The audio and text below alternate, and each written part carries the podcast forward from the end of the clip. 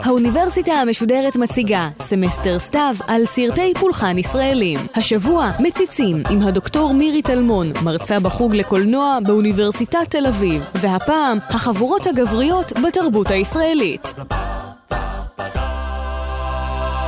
שלום לכם, כאן איתכם מירי טלמון, בסדרת הרצאות של האוניברסיטה המשודרת על סרטי פולחן ישראליים. אנחנו דנים במציצים, סרטו של אורי זוהר מ-1972, כסרט שטבע את חותמו בקולנוע הישראלי ורכש מעמד פולחני. ואנחנו ממקמים את התופעה הקולנועית הזו בתוך הקשר היסטורי-תרבותי רחב יותר. בהרצאות הקודמות דנו בסוגיה מהו שהופך את מציצים לסרט פולחן המצוטט שוב ושוב, המגלם את הרצוי והמצוי, את תת-המודע המורכב והסותר של מה שנחשף ומה שמודחק בתרבות. בהרצאה השנייה התמקדנו באסתטיקה הקולנועית ההיפר-ריאליסטית של מציצים, בשיח האותנטיות המעורה במרחב המקומי, בתל אביביות של מציצים, שמבטא כבר בראשית שנות ה-70 את שיח המקום הישראלי העכשווי של סרטים מכאן. היום נמקד את הדיון שלנו במציצים כנכס צאן ברזל תרבותי, כחלק בלתי נפרד מארגז הכלים התרבותי שלנו. מהו ארגז כלים תרבותי? חוקרת התרבות האנתרופולוגית אנ סווידלר דנה בארגז הכלים התרבותי כמאגר של סמלים, נרטיבים, אמונות עממיות, תוצרי תרבות וערכים שבני התרבות שולפים פריטים מתוכו בסיטואציות שונות המוכרות להם מן התרבות, וגוזרים ממנו אסטרטגיות של פעולה. אנחנו נטען כאן כי מציצים הפך לסרט פולחן בחיבור שלו לארגז הכלים התרבותי הישראלי, למצאי של טקסטים, נרטיבים, סמלים וערכים בתרבות הישראלית, הקשורים באופנים שונים לחבורה ולקבוצה, ובאופן ספציפי יותר לחבורת הגברים. חבורת הגברים מופיעה כערך, כדימוי חזותי וכנרטיב משחר היווצרותה או יצירתה המודעת לעצמה של תרבות עברית בישראל. תרבות עברית נוצרת בארץ ישראל כחלק בלתי נפרד מציונות המגשימה את חזון גאולת האדמה, הפרחת השממה והחיבור הלאומי המחודש לארץ ישראל באמצעות הגוף הקולקטיבי, המשימתי, הגברי, המחושל והמלוכד. בקולנוע העברי המוקדם מופיע הקולקטיב הזה של החלוצים, הגברים, כשהוא כובש ברגליו את המרחב הארץ-ישראלי בשירת "העפילו", אל ראש ההר העפילו, ובעבודה פיזית של בניין ובשדה. אל ראש ההר, אל ראש ההר, הדרך מי יחסום לפדויי שבי.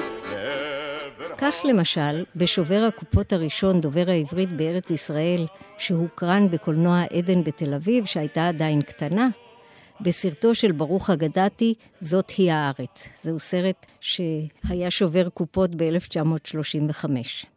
סרט זה משנות ה-30 משלב קטעים משוחזרים ומבוימים, ששחקני תיאטרון מגלמים בהם את החלוצים בני העליות הראשונות, עם קטעים תיעודיים משנות ה-80 של המאה ה-19, מראשית המאה ומשנות ה-30 של המאה ה-20. חברים, הנה זכינו ליום הזה, אשר בו אנו מוצאים את הגפם הראשון בראשון לציון.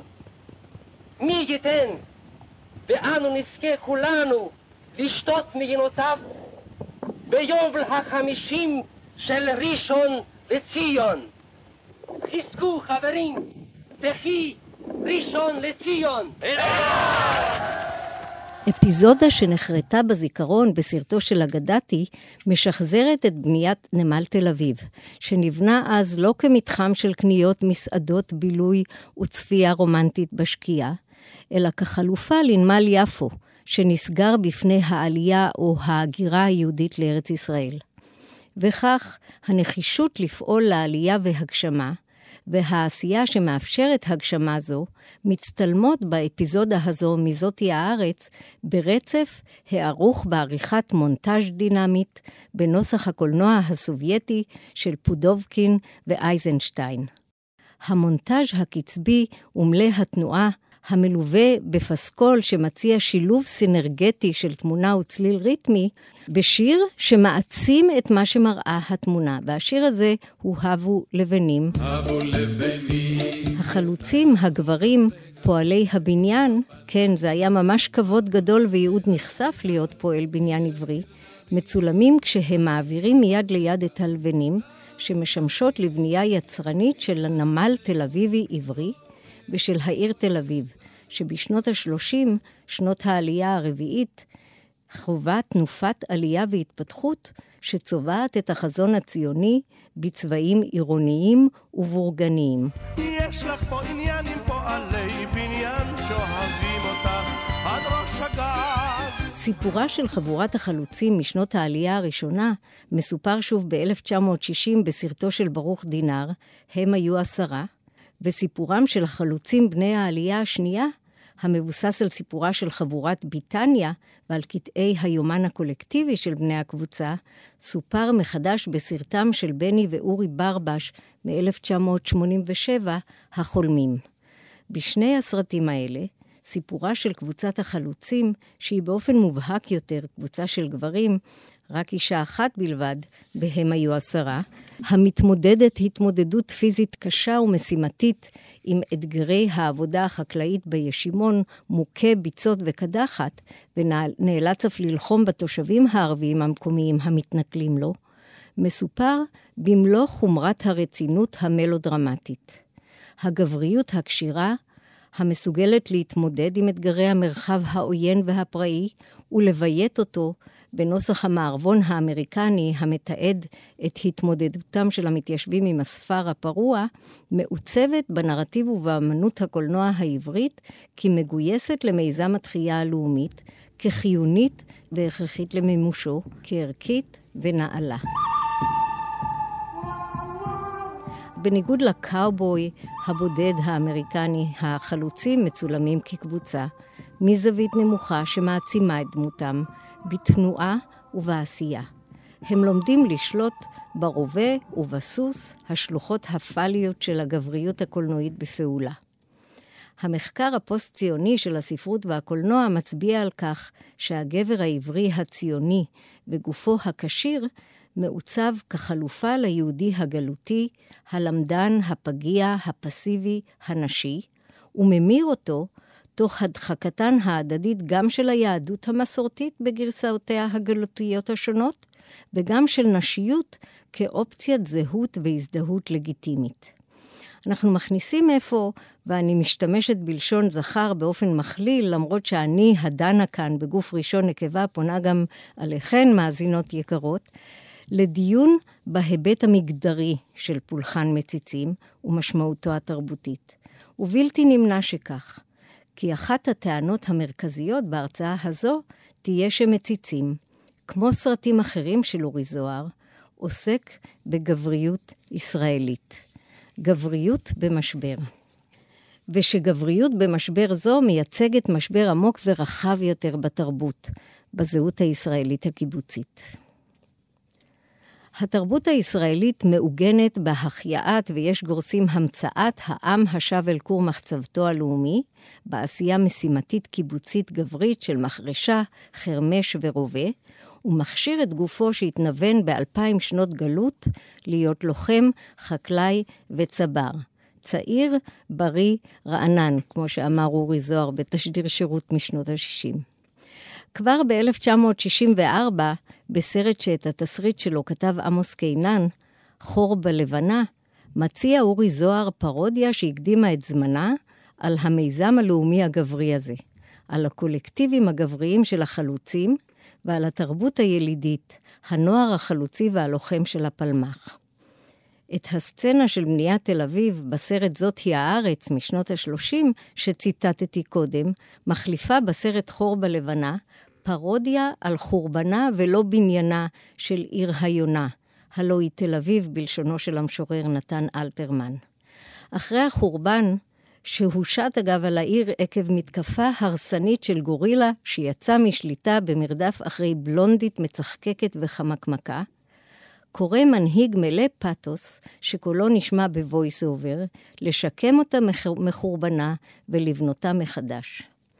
קבוצות של גברים סטטיים נראים יושבים ללא תנועה, מצולמים בפוזות המוכרות מכנסים ספורטיביים סובייטיים, מתצלומים של חלוצים ובוגרי תנועות נוער ציוניות, ומסרטים עבריים שמבטאים את האתוס הקולקטיביסטי הסולידרי של הספורט, הפרולטריון וההגשמה החלוצית. כל אלה בקומפוזיציה של פירמידה. הגברים החלוצים בחור בלבנה לא מופיעים בתנועה דינמית של עשייה, אלא בישיבה פסיבית, כמשותקים, בפריימים קפואים במקום עריכת המונטאז' הקצבית שאפיינה את הקולנוע הציוני התכליתי והאופטימי. בחור בלבנה יוצר אורי זוהר אפוא הזרה של הציונות כפרויקט לאומי, גם של הגבריות כפרויקט ציוני, וגם של הקולנוע כמעצב ומבטא את תחיית הלאומיות הציונית הגברית. בתיה הקטנה, כן, כאן. את טוענת שהבמאי דורש ממך דברים שאת לא יכולה לתת לו. את לא תגיעי רחוק אם לא תלמדי לתת. התמסרות לתפקיד הוא סוד האושר. לצד הפרודיה על ההגשמה הציונית כפרויקט קולנועי שיצא משליטה, ממיר זוהר בכור בלבנה את הקולקטיב החלוצי בזוג החברים החלוצים צלניק ומזרחי. צלניק, החלוץ העברי, מגיע אל חופי הארץ המובטחת ברפסודה, נושק לאדמה שנושקת אותו בחזרה, ומקים את הקיוסק העברי הראשון. אבל החלוץ העברי צלניק הוא בטלן, מסתבר, והוא שם את דמותו המצולמת למכור לימונדה, בזמן שהוא עצמו משתזף בין הדיונות שמחכות שמישהו יגאל אותן משוממונן בין האלפיים. תן לשים את הראש על דיונה, ניסחו מקץ עשור אסי דיין ונפתלי אלתר בגבעת חלפון אינה עונה את האתוס העברי הגברי החדש, זה של הבטלן, שהחליף את האתוס הגברי המגויס, החלוצי והכשיר. תן לשים את הראש על דיונה. צלניק ומזרחי, זוג החלוצים העבריים, על פי שמותיהם אחד אשכנזי ואחד מזרחי, הם הווריאציה הישראלית על החברים או הבאדיז. את סרטי החברים, או באדי מוביז, מתארת חוקרת הקולנוע האמריקנית מולי הסקל כתגובה אופיינית בקולנוע האמריקני של שנות ה-60 וה-70 שמבטאת משבר גבריות. הז'אנר הקולנועי הזה, גורסת הסקל, הוא סימפטום של תגובה לאומית קולקטיבית רחבה יותר, שמעוגנת בתרבות האמריקנית בתגובה פוסט-טראומטית למלחמת וייטנאם ולתמורות החברתיות והתרבותיות העמוקות שגרמה התנועה הפמיניסטית, כמו גם תנועות אחרות של זכויות אזרח באותן שנים. באדי מוביז, טוענת הסקל, בסרטים כמו אדם בעקבות גורלו או ידע הבשרים, מספרים את סיפורם של זוג גברים, חברים, שמבלים את זמנם בשיחות נפש וחיבוטי רגש. בשונה מהמערבון וסרטי המלחמה, המעצבים קבוצות משימה של גברים הפועלים במציאות, מתמודדים עם אתגרים ומשפיעים בפעולתם על צביון המציאות ועל גורלה של החברה הרחבה יותר, סרטי החברים האמריקנים משנות ה-60 וה-70 מעצבים דגמים של גבריות חדשה, זוגית, רגשית יותר ופועלת פחות, גבריות דברנית ואינטרוספקטיבית, גבריות במעבר ובמשבר. גם בקולנוע הישראלי של שנות ה-60 וה-70 מופיעים ביטויים של גבריות במשבר. סרטו של אורי זוהר, על פי הנובלה של א' ב' יהושע, שלושה ימים וילד, סרט מ-1967, מספר על סטודנט ירושלמי שהמשבר האישי שלו והפלשבקים הספק נוסטלגיים, ספק מאיימים, לשנים שבהן היה צנחן וחבר קיבוץ ההולך בשדות, מסגירים משבר קולקטיבי רחב יותר, של חברה שאיבדה את דרכה.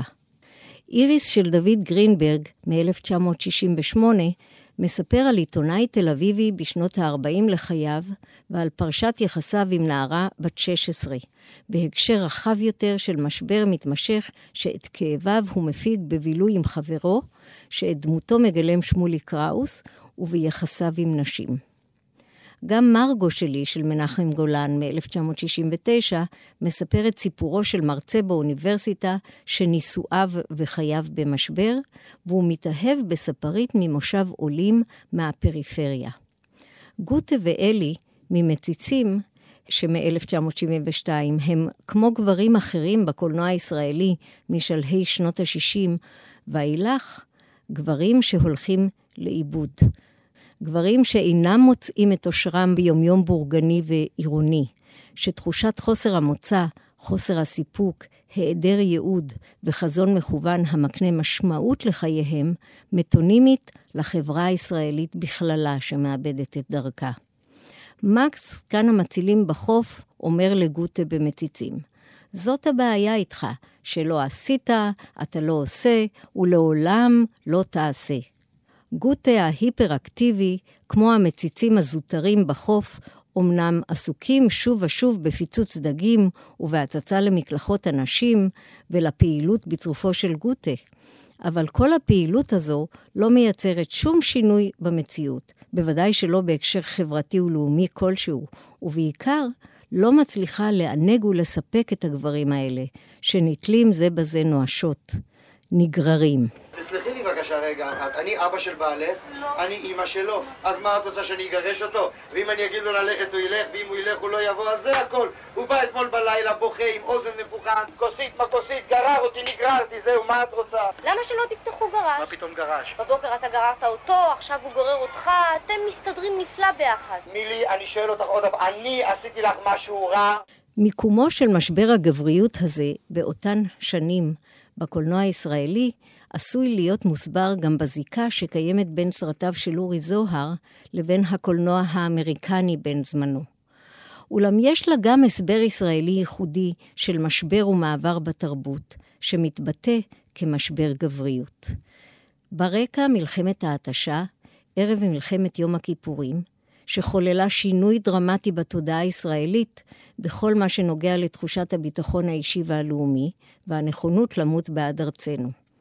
מיכאל פייגה המנוח, זכרו לברכה, ולואיס רוניגר, במאמר פורץ דרך על תרבות הפראייר והזהות הישראלית, מתארים את מלחמת ההתשה ומלחמת יום הכיפורים שבאה בעקבותיה כרגע היסטורי שבו מוחלף האידיאל של החלוץ האלטרואיסט, המקריב את חייו ונוחותו האישית למען כלל העם והמולדת, באנטי פראייר, הדואג לאושרו ורב, ורווחתו הפרטיים בהחלט.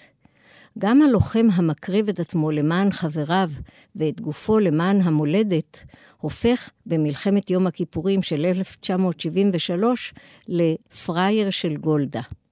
הסרט הלהקה מ-1978, סרטו של אבי נשר, ממקם את סיפורה של החבורה הצבאית, של להקה צבאית, באותה צומת היסטורית של מעבר ותמורה בשנות ה-60 בישראל, במלחמת ההתשה.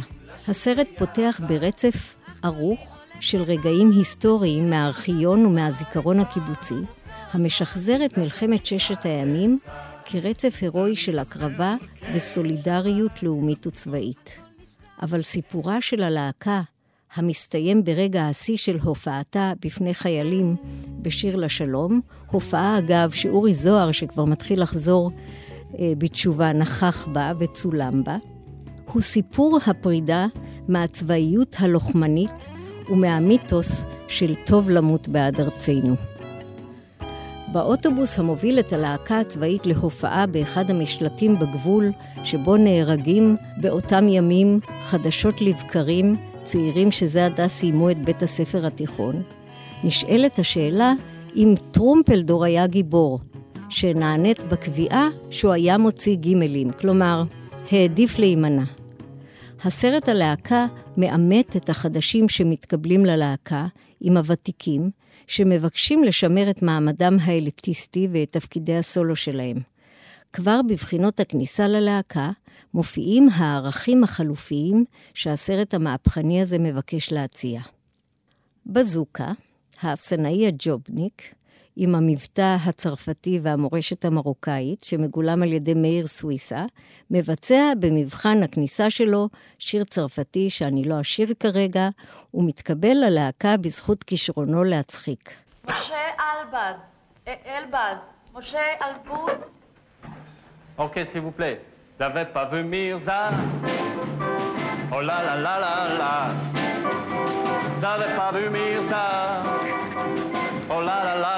là là הלהקה מבטא, אם כן, תרבות נגד שערכים רדיקליים של שנות ה-60 הטביעו בה את חותמם, אבל בנוסח ישראלי. זו תרבות שמעמידה במרכזה לא את המחויבות לערכי דור המייסדים, ההורים והמנהיגים, אלא את הסולידריות של צעירים שמחויבים זה לזה, שמקבלים שונות וייחודיות, ולא רק את מי שמשלנו, שהכישרון ותרומתו הסגולית של כל אחד מהם ללהקה בביצועיו הם שקובעים. לא הוותק ותרבות הפרוטקציה, לא המורשת העדתית, לא נטייתם המינית או מקום המגורים בפריפריה של הוריהם. מעבר למבחן הקבלה שלו ללהקה, נאלץ בזוקה לצלוח גם את מבחן הקבלה שלו על ידי הוותיקים, את מה שמכונה בסלנג הצבאי הזובור שלו. במבחן הזה מתבקש בזוקה לבצע את השיר ירושלים של זהב, תחת אש. זה השיר שמתמצת את האופוריה הלאומית סביב מלחמת ששת הימים, ובה בעת לירות אל מול אש האויב. תראה בזוקה, לפעמים אנחנו מופיעים במוצבים בתנאים מאוד מאוד קשים, ולפעמים תחת אש. מה שקורה זה שפשוט צריכים להיות מוכנים. להשיב אש כמובן, תוך כדי שירה, תוך כדי שירה, כי את השירה הזאת אי אפשר להפסיק. אז מה שקורה זה שצריך להשיב אש ורימונים כמובן. חתמת על רימונים? לא. לא, אתה תרד לנשקייה ותחתום על רימונים. תראה, אנחנו לא צריכים פה ג'ובניקים, אתה מבין? אנחנו צריכים פה חיילים קרביים. גברים כמו כולם, חביבי, גברים. אז תתחיל לשיר, וכשאנחנו ניתן צעקה תגיב לצעקה, אוקיי? ברור? תתחיל לשיר. ירושלים של זהב ושל נחושת... אש! פול! מה אתה יורה, אידיוט? תמשיך לשיר! מה אתה שר? תמשיך לראות! שירה בקצב השירה! מבחן הקבלה הזה מתמצת את הסתירות המיתיות המקופלות בסיפורה של הלהקה כולה. הסתירה המיתית שסרטי פולחן כמו הלהקה וגבעת חלפון אינה עונה מתמודדים איתה באופנים מבדרים.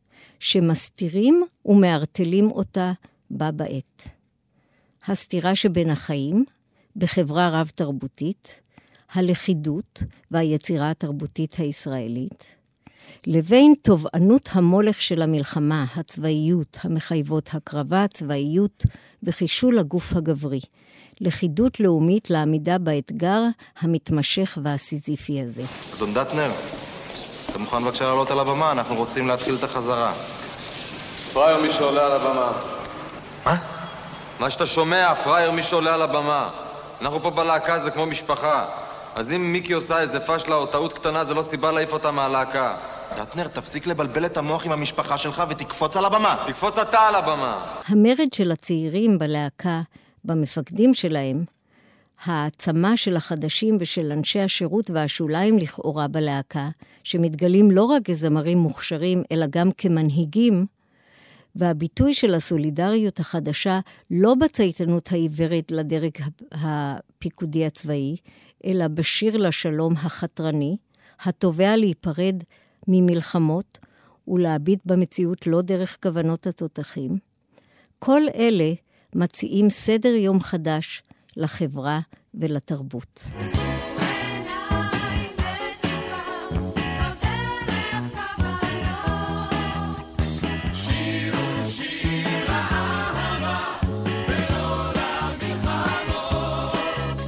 שלושת הסרטים האלה, משנות ה-70, מציצים, גבעת חלפון אינה עונה והלהקה, שבכל יום עצמאות, יום חגה של האומה הישראלית, מוקרנים בהקרנה טקסית המבטאת את ציפור הנפש של העם, מציעים שלושתם, כל אחד בדרכו, בריחה מסוגננת מהמציאות הישראלית המרותקת לעול הצבאיות והמלחמה. גבעת חלפון אינה עונה הופך את המרחב הצבאי הממוקם בדיונות הלימינליות לקרנבל אנרכיסטי שמאתגר את הסדר הצבאי הטוב ומחשל את הסולידריות הבין-הדתית. החיווי של גבעת חלפון אינה עונה על מלחמות ישראל והכשירות הצבאית, מתמצא במפגש האלמותי והמצוטט מאוד בין ויקטור חסון וסרג'ו קונסטנצה לבין המפקד הכריזמטי שנחת במסוק ומבקש לבחון את כישורי זריקת הרימון ואת הזיכרון ההיסטורי-קולקטיבי של החיילים קונסטנצה וחסון. זרוק רימון. תפעיל רימון, דגנב. על מי? זרוק אותו. על המצרים. על המצרים. על המצרים. תחי מדינת ישראל! כל הכבוד לצה"ל! תחזקנה ידי כל אחינו המכוננים. קום, קום, יא אהבל. הלהקה מציע להפסיק לירות ולא להפסיק לשיר. לשיר שיר חדש לשלום, שישנה את כיוונה של ההיסטוריה הלאומית. מציצים פורש לחלוטין ממציאות ישראלית לאומית מעיקה וקטלנית, להוואי אסקפיסטי נהנתני ונרקיסיסטי.